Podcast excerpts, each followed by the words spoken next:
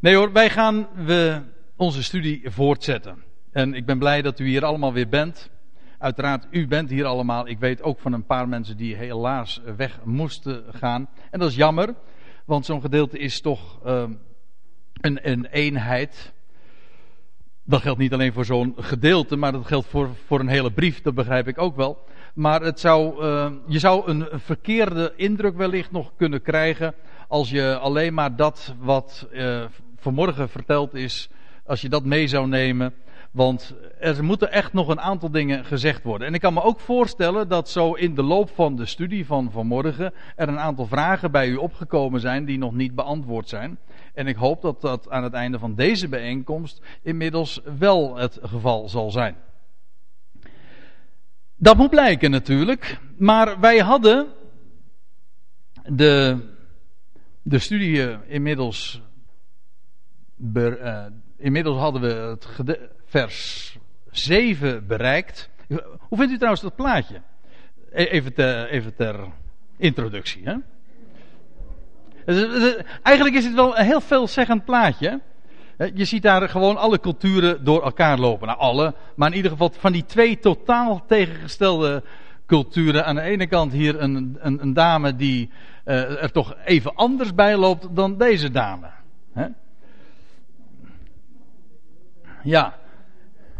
En, zo'n, en zulke verschillen eh, zien wij in onze wereld nu ook weer.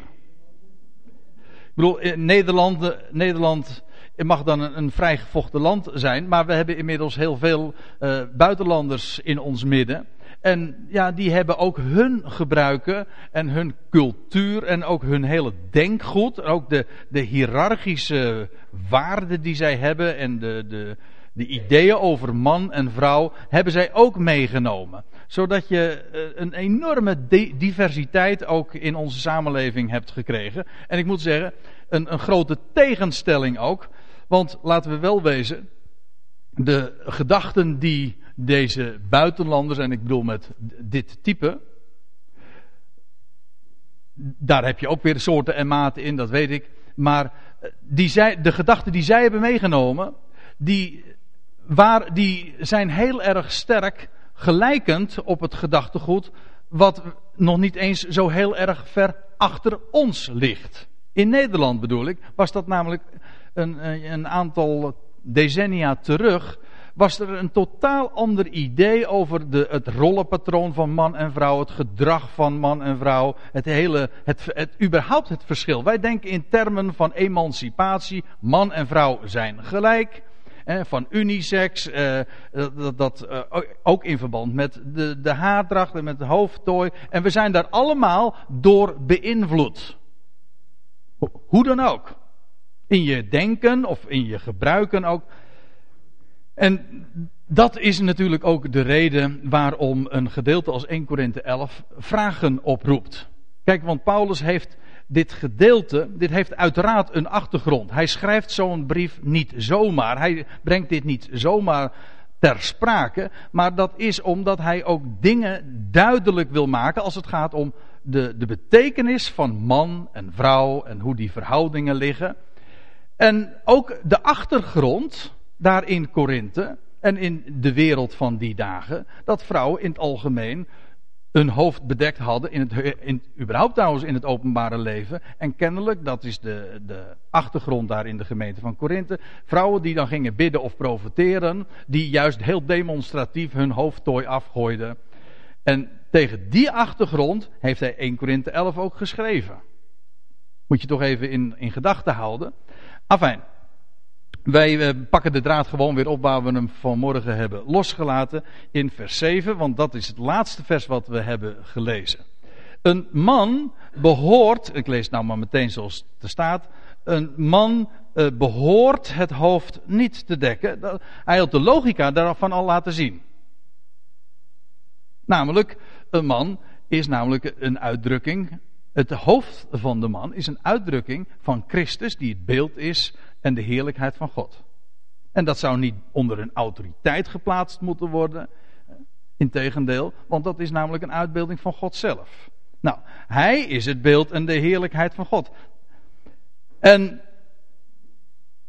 Dan staat er vervolgens, maar de vrouw is de heerlijkheid van de man. Dus aan de ene kant, de man is het beeld en de heerlijkheid van God. Ga nou niet kritiseren. Ga nou niet denken van. Uh, ik kan me voorstellen dat u als, als, als luisteraar, en u zit hier, en, en, en sommige mensen die eh, gewend zijn kritisch te denken, van ik, ik kan me hier moeilijk in verplaatsen. Dit is in wezen gewoon Bijbels ABC. Ik, de vrij letterlijk zelfs, want dit, staat, dit is al ontleend aan de eerste hoofdstukken van Genesis. Dat de man het geschapen is naar het beeld en de heerlijkheid van God. Genesis 1, vers 26 staat het gewoon expliciet. Dat wij het moeilijk vinden om te accepteren, oké, maar dat is ons probleem. Zo staat het er. En dan staat er vervolgens, en de vrouw is de heerlijkheid van de man. De heerlijkheid van de man.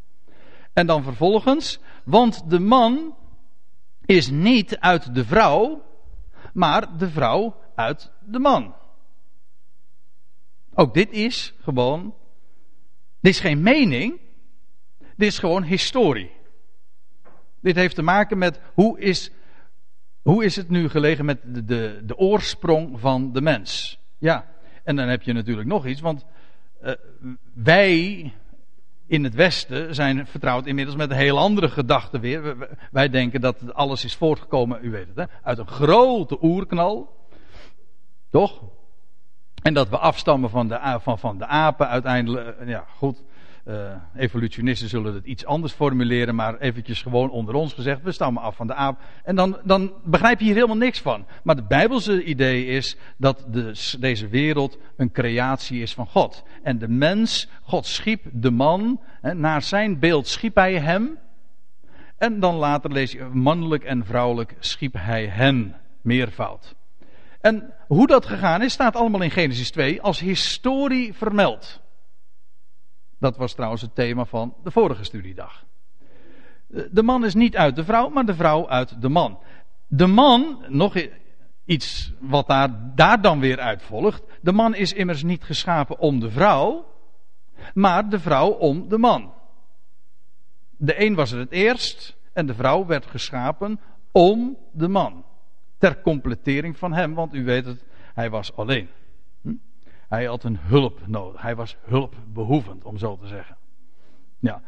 De vrouw is immers niet geschapen om de. Uh, de man, pardon, is niet, immers niet geschapen om de vrouw, maar de vrouw om de man.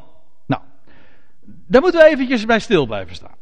Want dan krijg je dus aan de ene kant de man die het beeld en de heerlijkheid van God representeert. En meer speciaal zijn hoofd. Waarbij ik ook moet zeggen, dat beeld en de heerlijkheid van God, dat is Christus. In feite, maar dat is, ja, als je de, de rest van het, het Bijbels uh, denkgoed ook kent, dan, dan valt het allemaal op zijn plaats. Maar tussen de regels door kun je het in 1 Korinthe 11 ook al lezen. Want het begon met het hoofd van de man representeert is Christus. Hier staat, uh, nou moet ik even goed teruggaan, ja. Die man, aan de man behoort het beeld en de heerlijkheid van God. Maar het beeld Gods is juist Christus.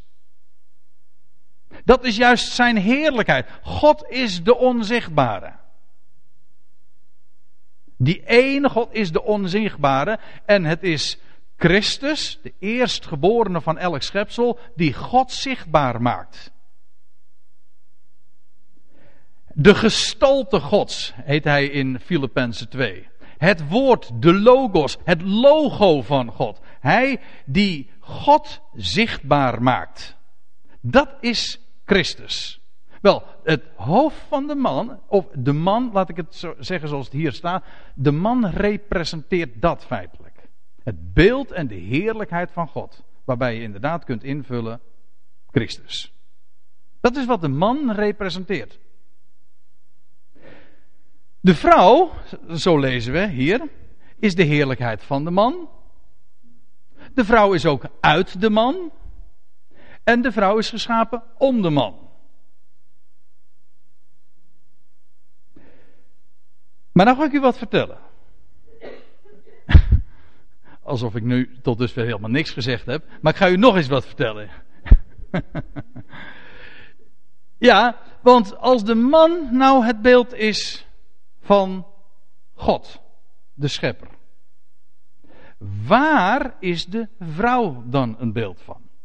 Aan het einde van de eerste bijeenkomst heb ik al even een hint in die richting gegeven, zodat je in elk geval weet eh, waar ik ook vanmiddag naartoe wil.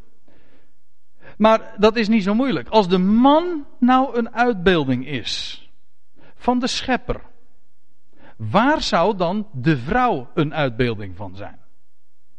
Van de schepping. Ziet u dat er trouwens ook, als ik het zo zeg, ik, wil, ik zal het straks ook laten zien en ook onderbouwen, maar op voorhand wil ik al even zeggen dat hier dus helemaal niets van minderwaardigheid in gelegen is.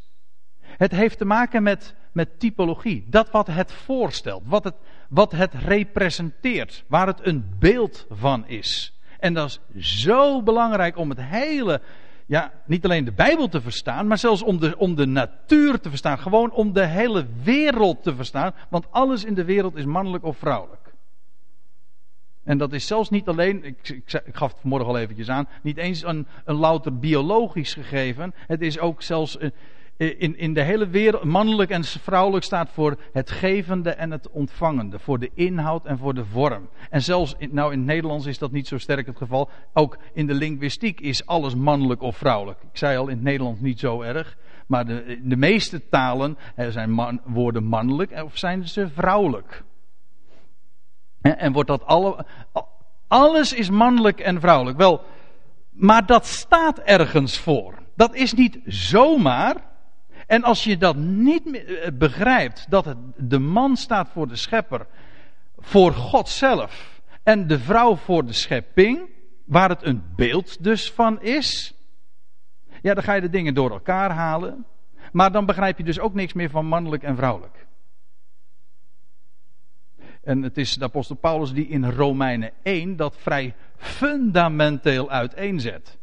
Ook met een enorme ernst, want wat hij, dan, wat hij in Romeinen 1 vertelt, is dat hij zegt van ja, men, de wereld, hoewel ze weten van God, hè, want iedereen weet dat er een God is, maar ze hebben God niet als God verheerlijkt en gedankt. Ik citeer even uit mijn hoofd. Ze hebben God niet als God verheerlijkt en gedankt. En dan lees je, daarom is het duister geworden in hun onverstandig hart. En God heeft hen overgegeven aan, aan een verwerpelijk denken. En het eerste wat je dan leest, is dat het verschil tussen mannelijk en vrouwelijk door elkaar gehaald wordt. En dan lees je ook die beschrijving van homoseksualiteit. Ja, als je het verschil niet meer ziet tussen de schepper en de schepping, want dat is wat hij in Romeinen 1 zegt, dan zie je ook niet meer het verschil tussen mannelijk en vrouwelijk. Dat is logisch, dat is alleen maar logisch als je weet dat het mannelijke een verwijst naar en een type is van de schepper. En het vrouwelijke een type is van de schepping. Als je de schepper en de schepping door elkaar haalt, dan haal je feitelijk het mannelijke en het vrouwelijke door elkaar zie je het verschil niet meer. En dat heeft dus ook zijn consequenties in de seksualiteit. Feitelijk is het een uitbeelding daarvan. En als je met zulke ogen ook Romeinen 1 leest, dan, zie, dan, dan ga je de, de, de samenhang van dat geheel zien. Goed, even op de, de, de leest. Uh, we gaan even verder op de lees waar we, we, het zojuist over hadden, over de schepper en de schepping. Als de, de man een uitbeelding is van de schepper, dan is de vrouw een uitbeelding van de schepping. En dat, dat is ook zo, want je ziet, we volgen gewoon hetzelfde rijtje als wat we al zagen in 1 Korinthe 11. De schepping is inderdaad de heerlijkheid van de schepper. Zoals de vrouw de heerlijkheid is van de man, zo is de schepping de heerlijkheid van de schepper. Waarin zien we de heerlijkheid van de schepper? Wel in zijn schepping.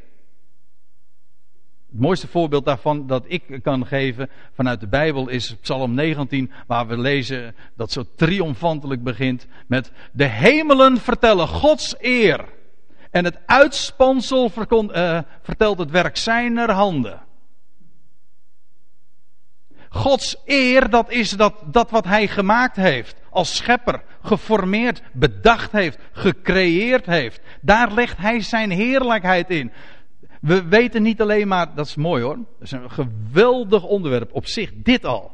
Maar We weten niet alleen maar uit de schepping dat er een schepper moet zijn. Een schepping veronderstelt een schepper. Zoals je een horloge veronderstelt een maker van de horloge. Het horloge zie je, die maker zie je niet, maar het loutere feit dat, je, dat dat zoiets ingenieus, dat intelligent design, hè, om het zo te zeggen. Die hele, dat ontwerp, die intelligentie in het ontwerp, verraadt een bedenker, een maker, een creator. Dus de schepping verraadt, veronderstelt een schepper. Maar dat niet alleen. Het mooie is dat die schepper ook zijn heerlijkheid, zijn gedachten zelfs, zijn plannen, zijn ideeën uitdrukt in de schepping.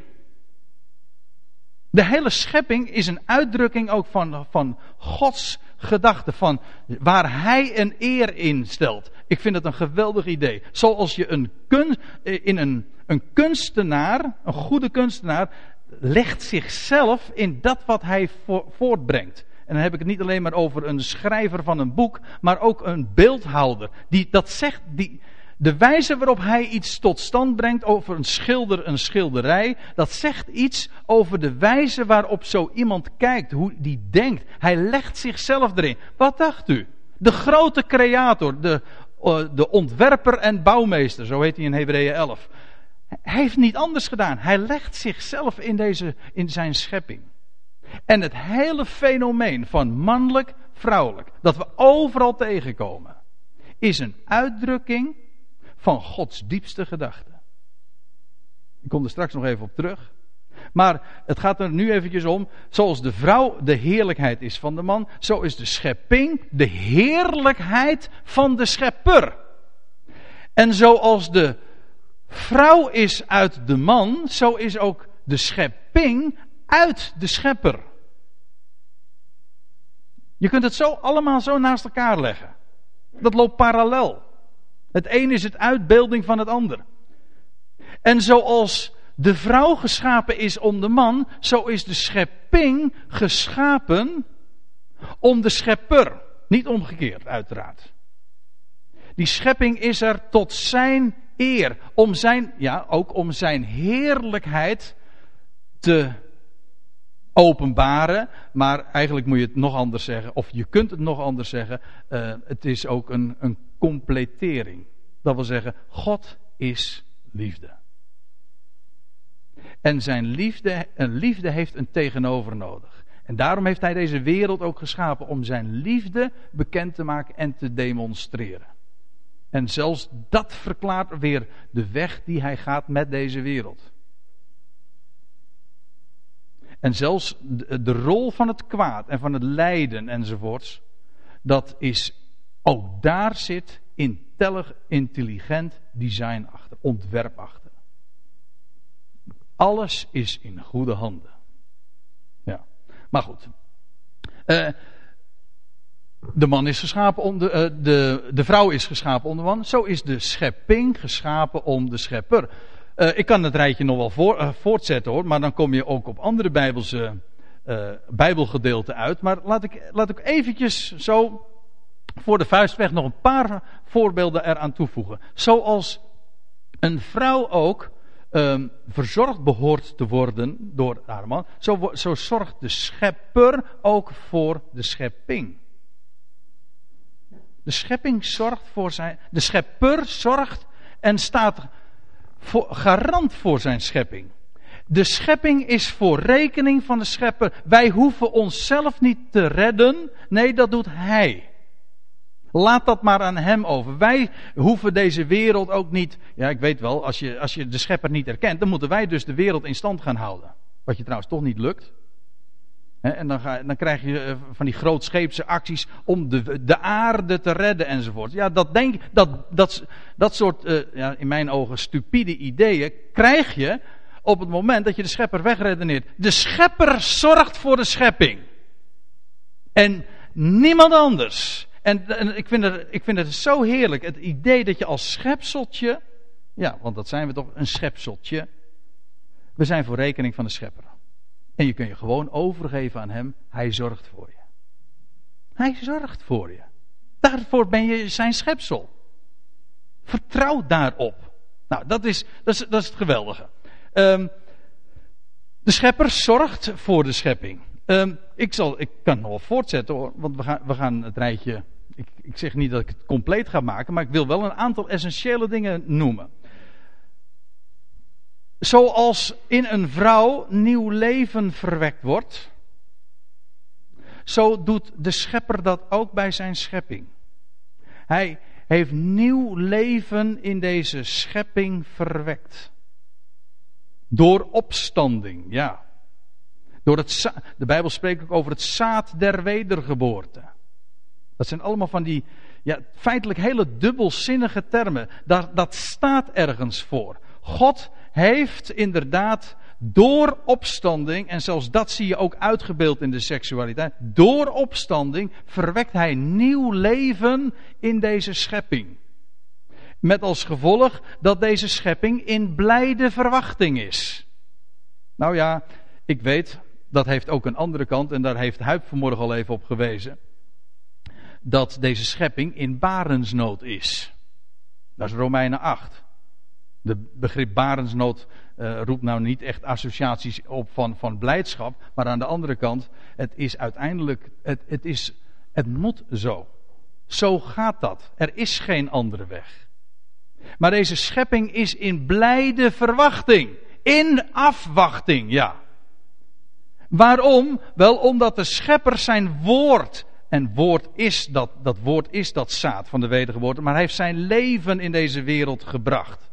En eh, of u nou denkt aan het woord, de schriften, dat leven is. Of u denkt aan, aan de beloften van God in het algemeen. Of u denkt heel specifiek aan wat er 2000 jaar geleden buiten de poorten van Jeruzalem plaatsvond. Toen de steen werd weggewenteld en hij opstond uit de dood. En daarmee nieuw leven aan het licht bracht. Nieuw leven dat de hele schepping eens zal, zal, zal um, verlichten en zal in bezit zal nemen. Dat is waar.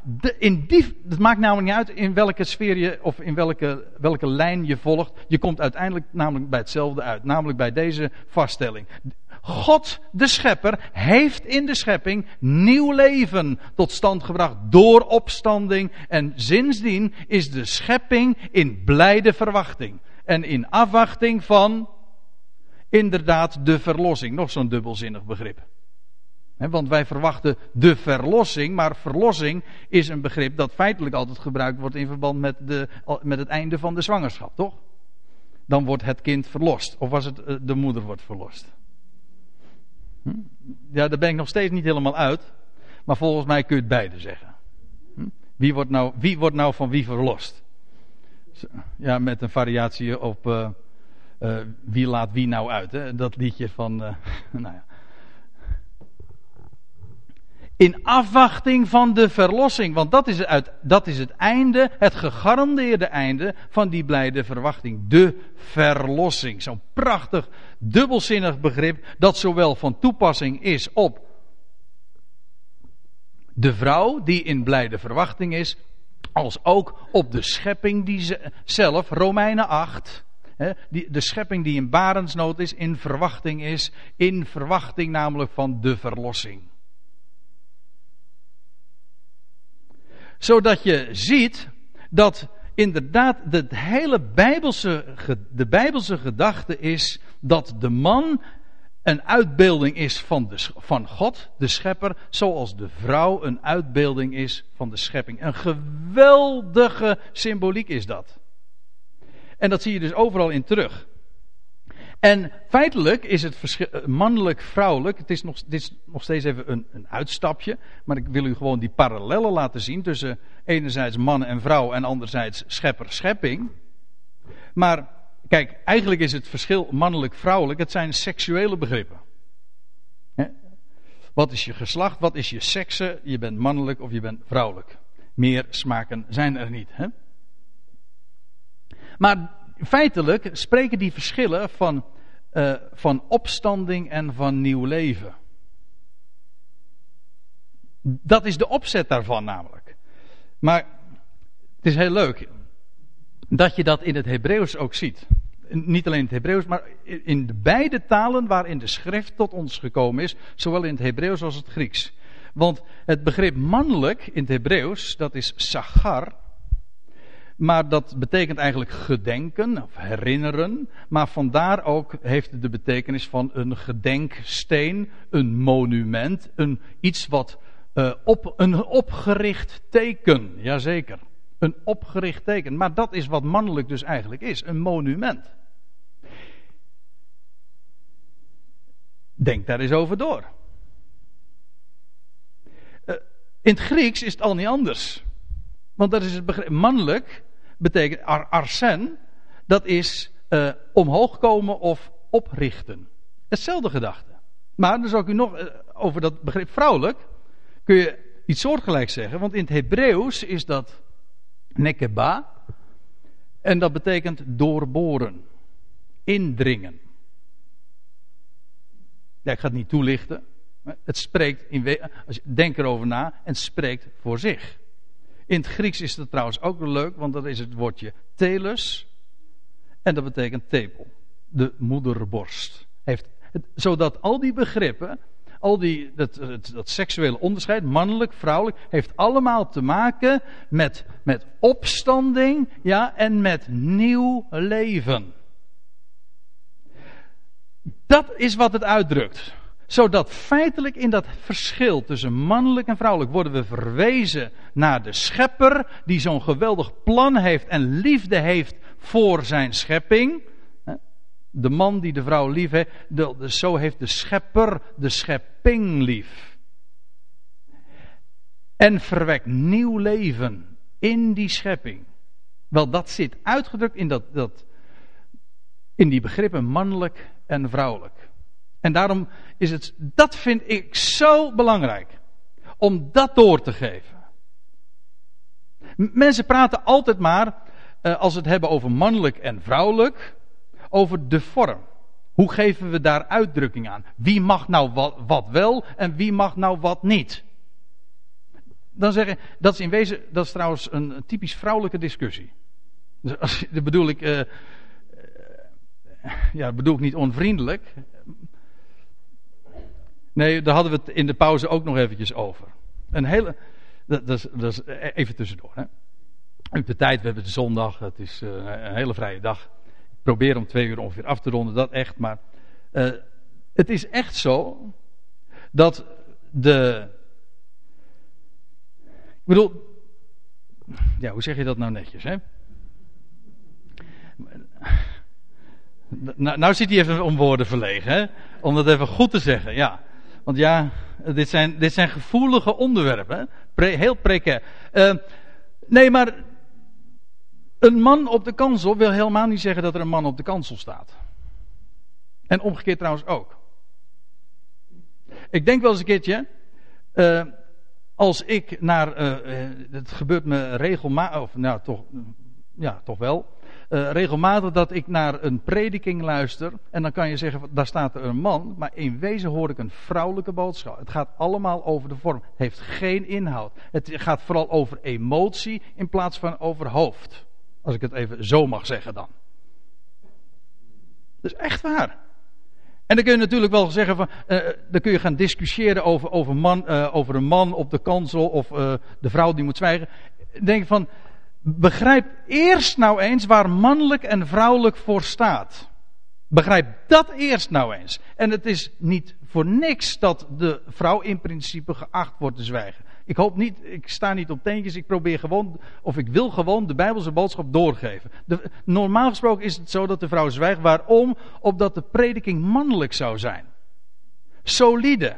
Niet door emotie overmeesterd wordt, want de kracht van de vrouw is de emotie, de gevoeligheid. Maar dat is tevens haar zwakte. In de prediking zou juist solide zijn. Paulus zegt trouwens in 1 Korinthe, wat is het, 16, van word sterk, mannelijk en krachtig staat er.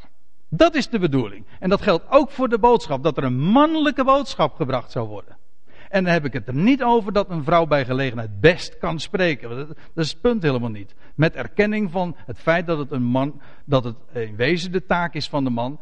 Maar daar wordt altijd alle aandacht aan gegeven. Het, kortom, het gaat over de vorm en niet meer waar het werkelijk voor staat, voor de inhoud. En ik denk wel eens een keer, dus, maar we hadden het toen niet alleen maar over, over onderwijs in de gemeente en over prediking, maar het geldt voor leiding in het algemeen. Ik denk heel vaak dat uh, sommige leiders zijn in werkelijkheid leidsters. Ja? Nou, ik zal de voorbeelden maar niet gaan noemen die, ik dus in de, die we in de lunch wel even lieten horen. Hè?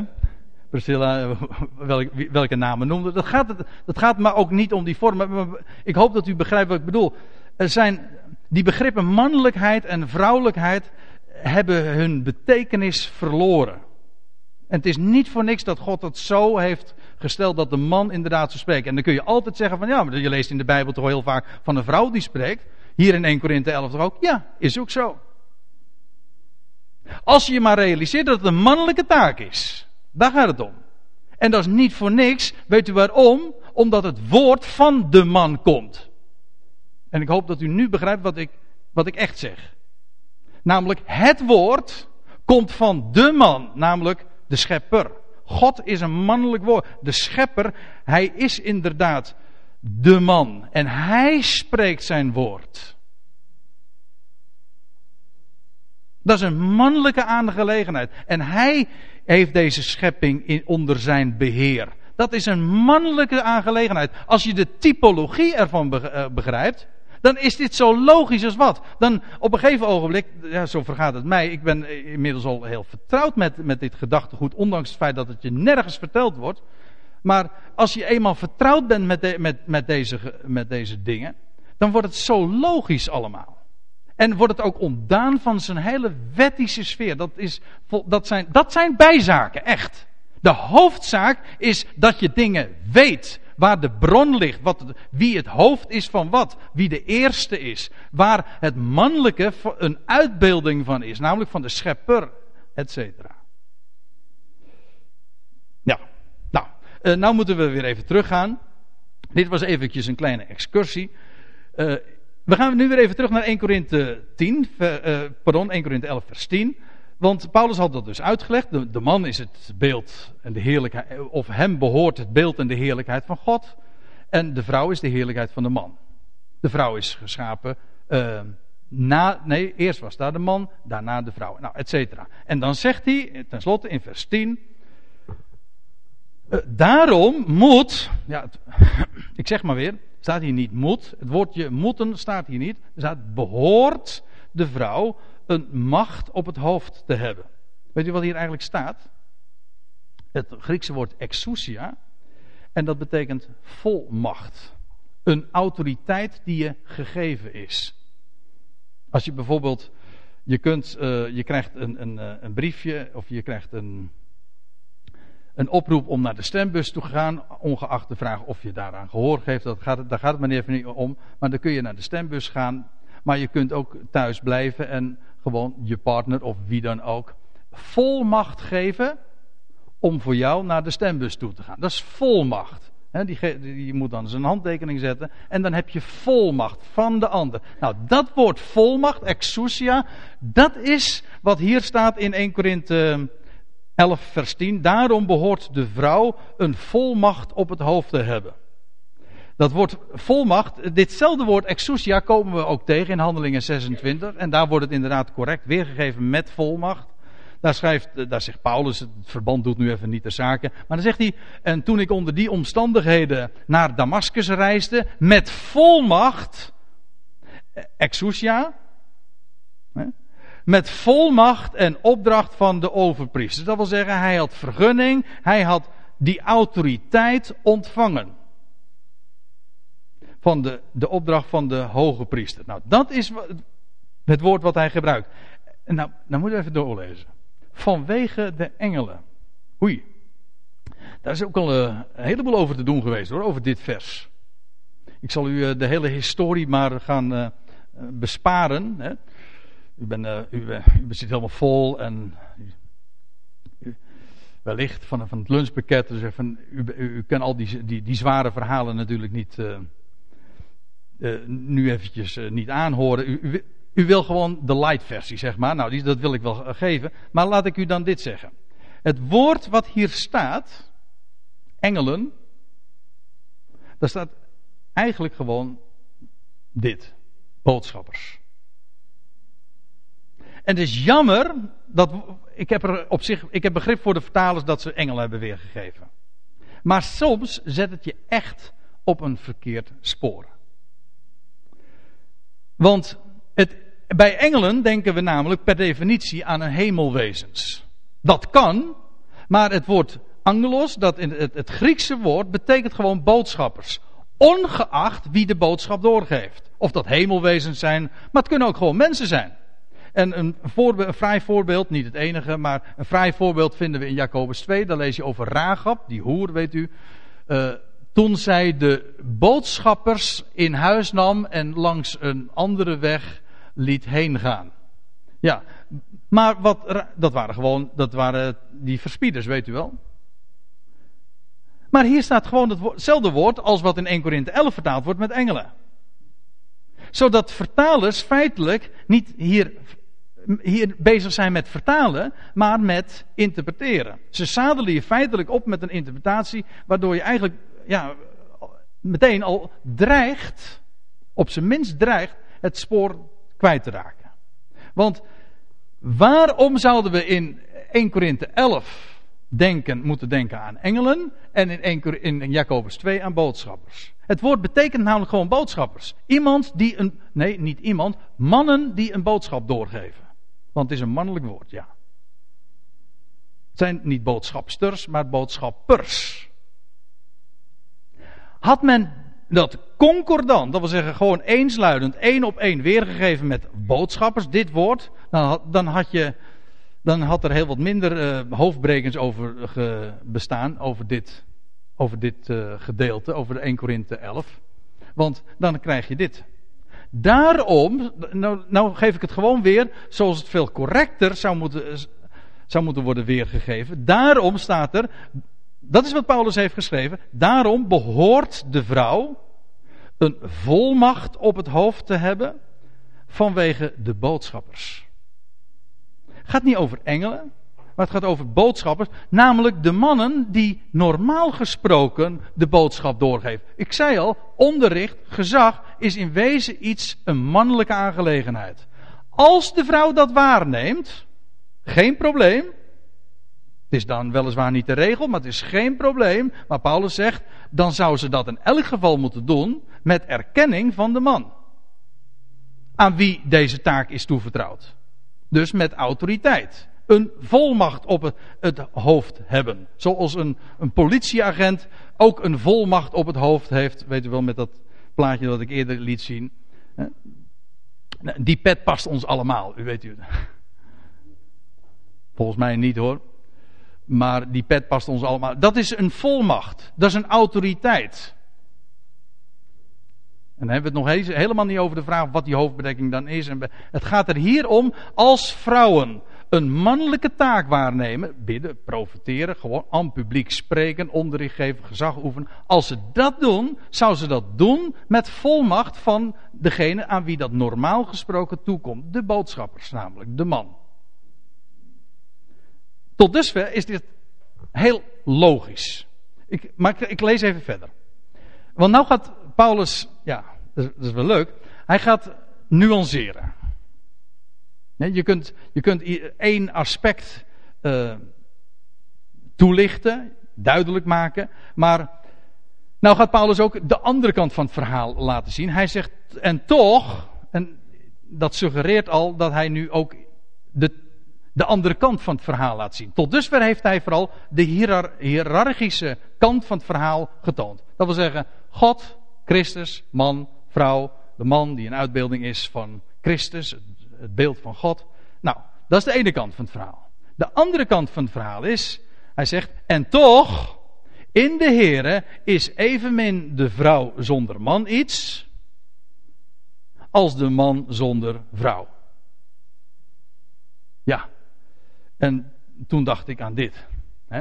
Een stekker is, ja, dat is een vrij dubbelzinnige uh, symbool natuurlijk, maar daar hadden we het al even over in verband met elektriciteit. Elektriciëns spreken altijd over mannelijk en vrouwelijk. Maar ik bedoel, zoals een, een, een stekker is niks zonder stopcontact en een stopcontact is niks zonder stekker. Het zijn dualiteiten die elkaar God wat een dure woorden zeg, die elkaar completeren. Die, het een betekent niks zonder het ander en het ander betekent niks zonder het een. Het een ontleent juist de betekenis aan het ander. Dat, is, er, er bestaat, dat geldt trouwens ook in de verhouding schepper-schepping. Er bestaat nu eenmaal geen schepper zonder schepping. En geen schepping zonder schepper. Het een veronderstelt het ander. Dat is wat ik bedoel te zeggen. De heer, in de Heer is evenmin de vrouw zonder man iets als de man zonder vrouw. Want gelijk de vrouw uit de man is, zo is ook de man door de vrouw. Ja, uh, weet u hoe het meestal is uitgelegd, dit vers? Uh, meestal wordt het zo uitgelegd van, nou ja, van origine is dan de vrouw uit de man. Dat wil zeggen, Eva is geformeerd uit de zijde, niet uit een rib, maar dat is nog een ander verhaal. Niet uit de zijde van Adam. En, uh, nou, en, en mannen komen ter wereld door de vrouw. Ik bedoel, wie hier, eh, wie hier ook zit, of mannelijk of vrouwelijk, we komen allemaal voort uh, uit de vrouw. En dat zou de betekenis zijn van dit gedeelte, of van dit vers. Ik geloof niet dat dat klopt. Ik denk dat het hier ook dit refereert aan Genesis 2. Gelijk de vrouw uit de man is, Eva is geformeerd uit de zijde van Adam. Zo is ook de man door de vrouw. Namelijk, het gaat hier over dezelfde man en dezelfde vrouw. De man wordt man. Maar, want in het algemeen is dat namelijk ook zo. De man is juist man. Waarom? Nou, vanwege de vrouw. Het begrip mannelijk betekent niks als er ook niet vrouwelijk zou zijn. Zoals het begrip schepping niks betekent als er ook geen schepper zou zijn. En ik kan dat ook dat is maar niet, dat klinkt misschien wat filosofisch, maar ik, zal, ik kan het ook uh, demonstreren aan de hand van Genesis 2. Want daar staat in Genesis 2, vers 23, uh, dat Adam dan zegt: Deze zal manin heten, omdat zij uit de man genomen is. En dat is, heel, dat is leuk, want weet u, dit is de eerste keer dat het woordje man in de Bijbel voortkomt. Voordat Eva geformeerd was, heette Adam geen man heette hij gewoon mens.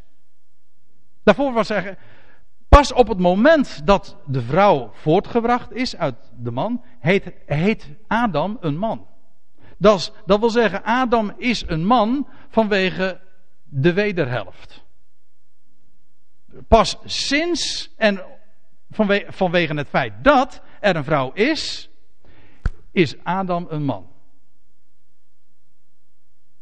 En in het Hebreeuws is dat uh, wel een heel grappig fenomeen. Nou ja, grappig wat heet. We kennen het trouwens in het Nederlands ook nog wel. Maar een vrouw, in het, het, het, mannelijke woord is ish. En het vrouwelijke woord is isha. En dat, eigenlijk isha, in, in, in Nederland zou je dus dan moeten zeggen, een, een ish is man. En dat die a-uitgang wil zeggen dat het een vrouwelijke vorm is. Dus een vrouw is eigenlijk in het Hebreeuws, het klinkt heel gek, een, een manin. Namelijk een vrouwelijke man. Zoals wij spreken over een boer en een boerin. Ja? En over een koning, precies, en een koningin. Ja, noem we nog eens een paar. Hè? Hè? Een leeuw en een leeuwin, ja. En je hebt een K, weet je wel, hè? En je hebt een K in. Oh nee, dat is weer wat anders. Een K in, ja. Nee, uh, dit, dit wordt er even uitgeknipt. Het slaat helemaal nergens op wat ik nou zeg. ja, je, ja, ja, maar een K is meestal een vrouw trouwens. Hè?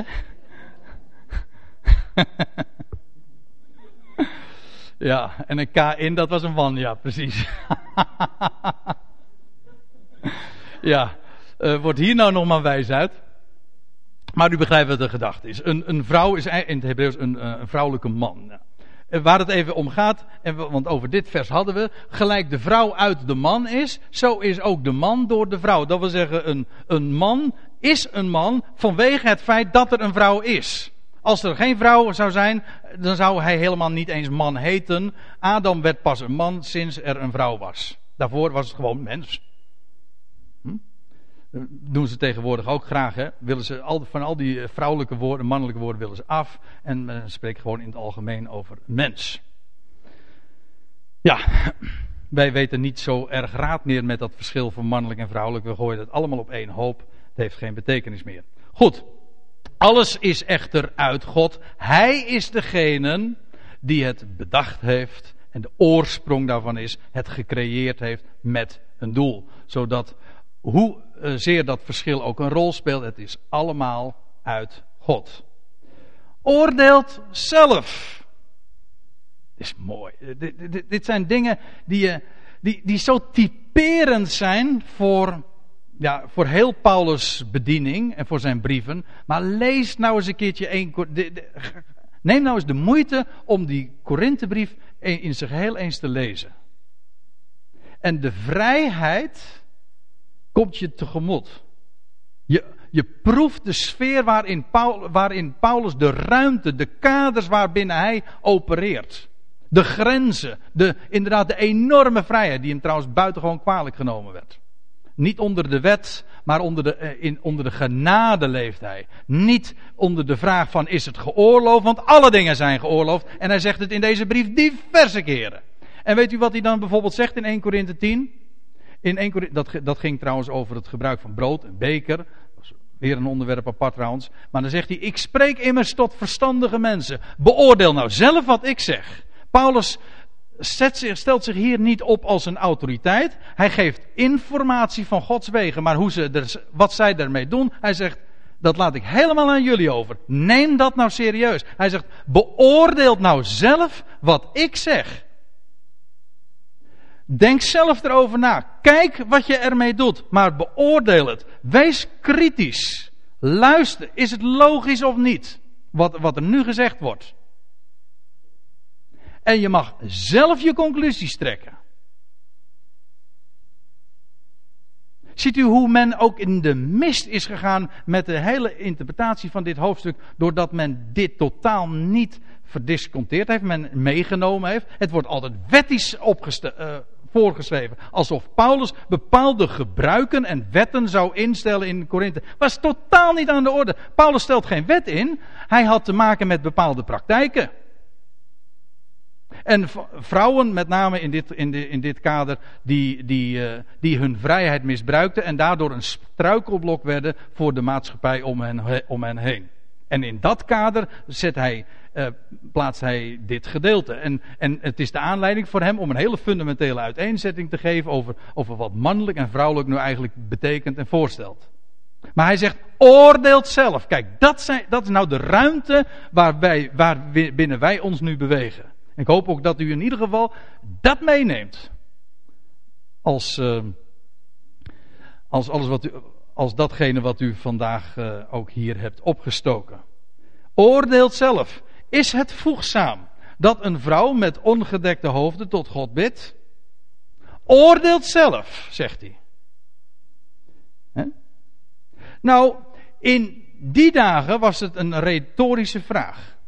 Want dat was absoluut niet voegzaam. Dat wil zeggen niet behoorlijk. Onbehoorlijk. Paulus legt hier geen wet op. Maar hij zegt, oordeelt het zelf. Voor ons ligt het in deze, liggen deze dingen wat anders. In, de, in een cultuur als de, als de onze. wij hebben daar niet zo heel veel problemen mee als dat gebeurt. Nou ja, dat kan trouwens ook nog verschillen. Maar is het voegzaam dat een vrouw met ongedekte hoofden tot God bent? Nou, dan hij zet het voort. Hij zegt, leert de natuur zelf u niet. Hè, waarbij, de, waarbij hij bij de natuur kennelijk denkt aan. Uh, zegt je, je eigen natuurlijk gevoel, je instinct je al niet dat het zo is. Leert de natuur zelf u niet dat indien een man lang haar draagt, dit een schande voor hem is? Nou moet ik echt, hier moet ik even een zeer kritische kanttekening bij de vertaling zetten. Want hier staat het het woord schande in onze vertaling, maar dat staat er niet. Het woord schande, eerder in dit gedeelte, stond, uh, we hebben het al gelezen, over een, een kaalgeschoren, is een schande. Daar, daar, stond een woordje inderdaad schande, maar hier, is een hier staat een heel ander woord. Hier staat het Griekse woordje atimia en dat betekent letterlijk zonder eer. En dat hoeft helemaal, dat kan iets schandelijk zijn, maar in wezen, het kan een veel neutralere betekenis hebben. Bijvoorbeeld in Romeinen 9. Daar komt hetzelfde woord voor. daar, daar, lees je over die pottenbakker, dat is, dat is de schepper. He. De pottenbakker die het ene voorwerp vervaardigt tot eervol en het andere tot alledaags gebruik. Maar hier staat het exact hetzelfde woordje, atimia, zonder eer. Iets alledaags dat is niet schandelijk, maar het betekent gewoon, uh, iets geef je een eervolle bestemming en iets geef je een minder eervolle, een alledaagse bestemming. Dat is, dat is, niet, dat is niet schandelijk. Die, die pottenbakker is niet bezig met iets schandelijks te formeren. Nee, iets alledaags. Iets, iets wij zeggen dan banaals. Dat, iets zonder eer. In 2 Timotheus spreekt Paulus over, uh, over, over vaten, ook eenzelfde beeldspraak. Maar dan zegt hij deels met een eervolle, deels met een minder eervolle bestemming. Maar ook hier gebruikt hij dit woordje, atimia. Hier wordt het vertaald met minder eervolle bestemming. Het is soms een ramp hoor, al die verschillende wo woordweergaves. Daarom zou je gewoon een, een, een concordante vertaling moeten hebben. Een, een vertaling waarbij gewoon zoveel als mogelijk één op één wordt weergegeven. Want ja, nou hebben we dus dit gehad. Hier wordt dit ene woord, het wordt vertaald met schande. Hier wordt het vertaald met alledaags. En hier wordt het vertaald met minder eervolle bestemming. Zoek het maar uit. Maar zo, zie je dat de vertalers je uh, ongewild en wellicht onbedoeld, maar dat laatste weet ik niet helemaal. Maar in elk geval met uh, interpretaties opzadelen waar je nou niet bepaald wijzer van wordt. Integendeel. Maar het betekent zonder eer. Kijk, en als je het zo leest, moet ik het even zo doen. Um, een, voor een man is lange haar. Niet, het gaat er niet om dat het een schande is, maar het is, het is niet zijn eer. Lang haar is niet een eer voor een man. Het heeft geen eer. Maar, en dat is wat hij zegt, doch dat indien een vrouw lang haar draagt, dit een eer, letterlijk een heerlijkheid voor haar is. Voor een vrouw is het een heerlijkheid. Het is, ja, en dat heeft een reden die hij, dat heeft nog een reden, behalve een, zeg maar, cosmetische, uh, is het, zal, zal een vrouw zich daarin herkennen. Maar begrijp me goed, ook hier legt Paulus niet een wet op. Kijk, hij zegt aan de ene kant niet, een man mag geen lang haar hebben. Dat zegt hij niet. Hij zegt ook niet, een vrouw mag geen kort haar hebben. Hij zegt het positief, namelijk dat lang haar een eer voor een vrouw is.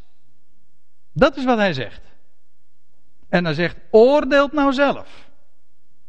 Nou, ik uh, geef het graag. Uh, ik, ik, stel dezelfde. Paulus stelt hier trouwens gewoon vragen. Hij stelt hier gewoon vragen. En diezelfde vragen die Paulus hier stelt, die geef ik vervolgens ook gewoon weer aan u door. En ik leg ze gewoon aan mezelf, aan, aan, aan u ook voor. De, de tijden zijn veranderd. Maar de logica is dezelfde gebleven. Dat is mooi met logica. Hè? Emoties, culturen enzovoort, dat is allemaal zo bewegelijk. Maar logica blijft altijd hetzelfde. Doch dat indien een vrouw lang haar dat dit een heerlijkheid voor haar is. Immers staat er, het haar is haar. Uh, het haar is haar, ja. Dan zie je trouwens al dat het woordje haar echt een vrouwelijk woord is, hè? Ja.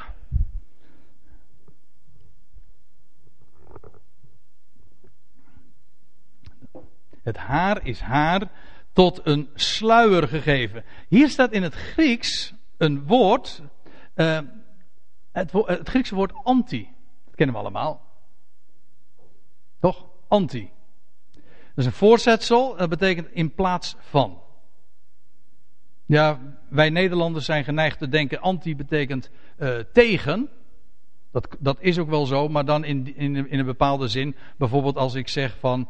Uh, u geeft 7 euro. Nee, tegen 7 euro betaling krijgt u een lunch. Dus dat betekent tegen gewoon in plaats van. Je, je betaalt 7 euro en in plaats daarvan krijgt u een lunchpakket.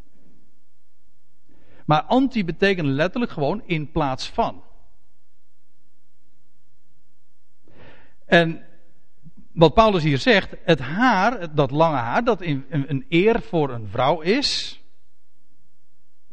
Hij zegt dat is, haar, dat is haar in plaats van een sluier gegeven. En dat is ineens heel erg leuk, want nou moet je, een, moet je teruglezen, nou nog eens eventjes dat hele, die hele passage overzien. Want hij had het over hoofdbedekking. En aan wat voor hoofdbedekking denkt hij dan? Nou, een hoofdbedekking in welke dan ook, een welke hoofdtooi dan ook. Maar hij zegt hier zo aan het einde al, nou, dat lange haar zelf vervult al die functie. Die functie van een sluier namelijk.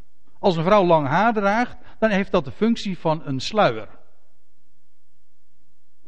En wat hij naar voren had gebracht, is dat als een vrouw bidt of profeteert, dat wil zeggen een mannelijke functie heeft, dat, ze dat, dat het een hele behoorlijke zaak is dat ze daarin haar man, of niet haar man, maar de man in het algemeen zou respecteren en daarmee zou aangeven, hoor eens, dit is niet eigenlijk mijn ding, dit is niet mijn pakje aan, dit is, dit is de rol eigenlijk, ik speel hier de rol van de man. En dat geeft ze aan door haar hoofd, hè, door haar hoofdbedekking. Maar die hoofdbedekking kan gewoon dus lang haar zijn. Want dat immer staat hier, dat lange haar, dat haar is haar in plaats van een sluier gegeven. Zo zegt hij dat. Lange haar vervult dezelfde functie als een sluier, als die hoofdbedekking waar hij het in het hele voorgaande gedeelte over heeft gehad. Maar zegt hij dan, en uh, daarmee zijn we aan het einde gekomen van dit gedeelte. Ik zal straks nog een samenvatting geven. Maar hij zegt, maar indien het er iemand om te doen is gelijk te hebben, en dat vind ik een hele mooie afsluiting voor deze dag in het algemeen. Indien iemand er het om te doen is gelijk te hebben, wij hebben zulke gewoonte niet, en evenmin de gemeente Gods. Ik geef deze dingen door, dat geldt voor mijzelf net zo, zonder me daarmee ook maar enigszins in, in de schaduw te stellen van de apostel Paulus. Maar ik geef deze dingen door voor wat het waard is. Beoordeelt het zelf. De logica, en dat is één ding wat duidelijk is, is onmiskenbaar. Dat wat hij gezegd, en de, de typologie is schitterend, van mannelijk, vrouwelijk, schepper, schepping. En, en wat Paulus begint niet voor niks met, met dit, gedeelte met ik wil dat gij dit weet. Dat, je, dat de verhoudingen zo liggen. Wat je ermee doet, beoordeelt dat zelf. Maar wees daarin eerlijk.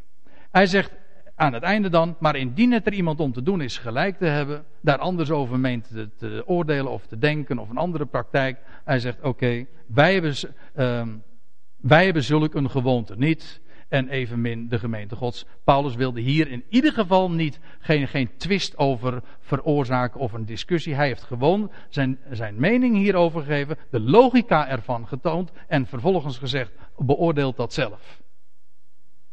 En waar het Paulus helemaal om gelegen is, is een navolger te zijn van Christus en geen struikelblok te vormen voor de maatschappij om je heen en of, of voor de Joden, in, meer specifiek, of voor de Grieken of voor de gemeente Gods. Wees dat niet. Waarom? Omdat het erom gaat dat de gemeente van God wordt opgedragen en dat je je niet verliest in dit soort uiterlijke toestanden. Het gaat erom dat je weet waar het een beeld van is, want dan, en dat is hoop ik ook uh, daarmee uh, uh, getoond te hebben vandaag, da, dan weet je, dan is je, wordt je leven enorm verrijkt, want dan heeft mannelijk en vrouwelijk ineens een geweldige betekenis. En overal zie je dat erin. Dan zie je eigenlijk overal in de wereld om ons heen zie je iets uitgedrukt van dat plan van God. En hoe hij nieuw leven voortbrengt. Hoe hij deze wereld lief heeft en de liefde bewijst. En gemeenschap met deze wereld. Eh, daardoor in, waardoor deze wereld in blijde verwachting is. Nou, dat zijn de dingen waar het echt om gaat. En dan wil ik tenslotte een, uh, in zeven punten even samenvatten wat ik vandaag gezegd heb. En ik wil dat kort doen. Dat zijn de, dat is een, mooi getal, hè, nietwaar? In zeven punten even iets samenvatten. Het eerste. Paulus voert geen wet in, maar wil geen struikelblok zijn voor Joden, voor Grieken of de gemeente Gods. Het gaat niet om gebruiken, ethiek. Ethiek betekent trouwens letterlijk, is ook een Grieks woord, betekent gebruiken. Daar komt het woord vandaan. Gewoonten. Het gaat niet om gebruiken, maar om weten. informatie, hoe het zit. Punt 3.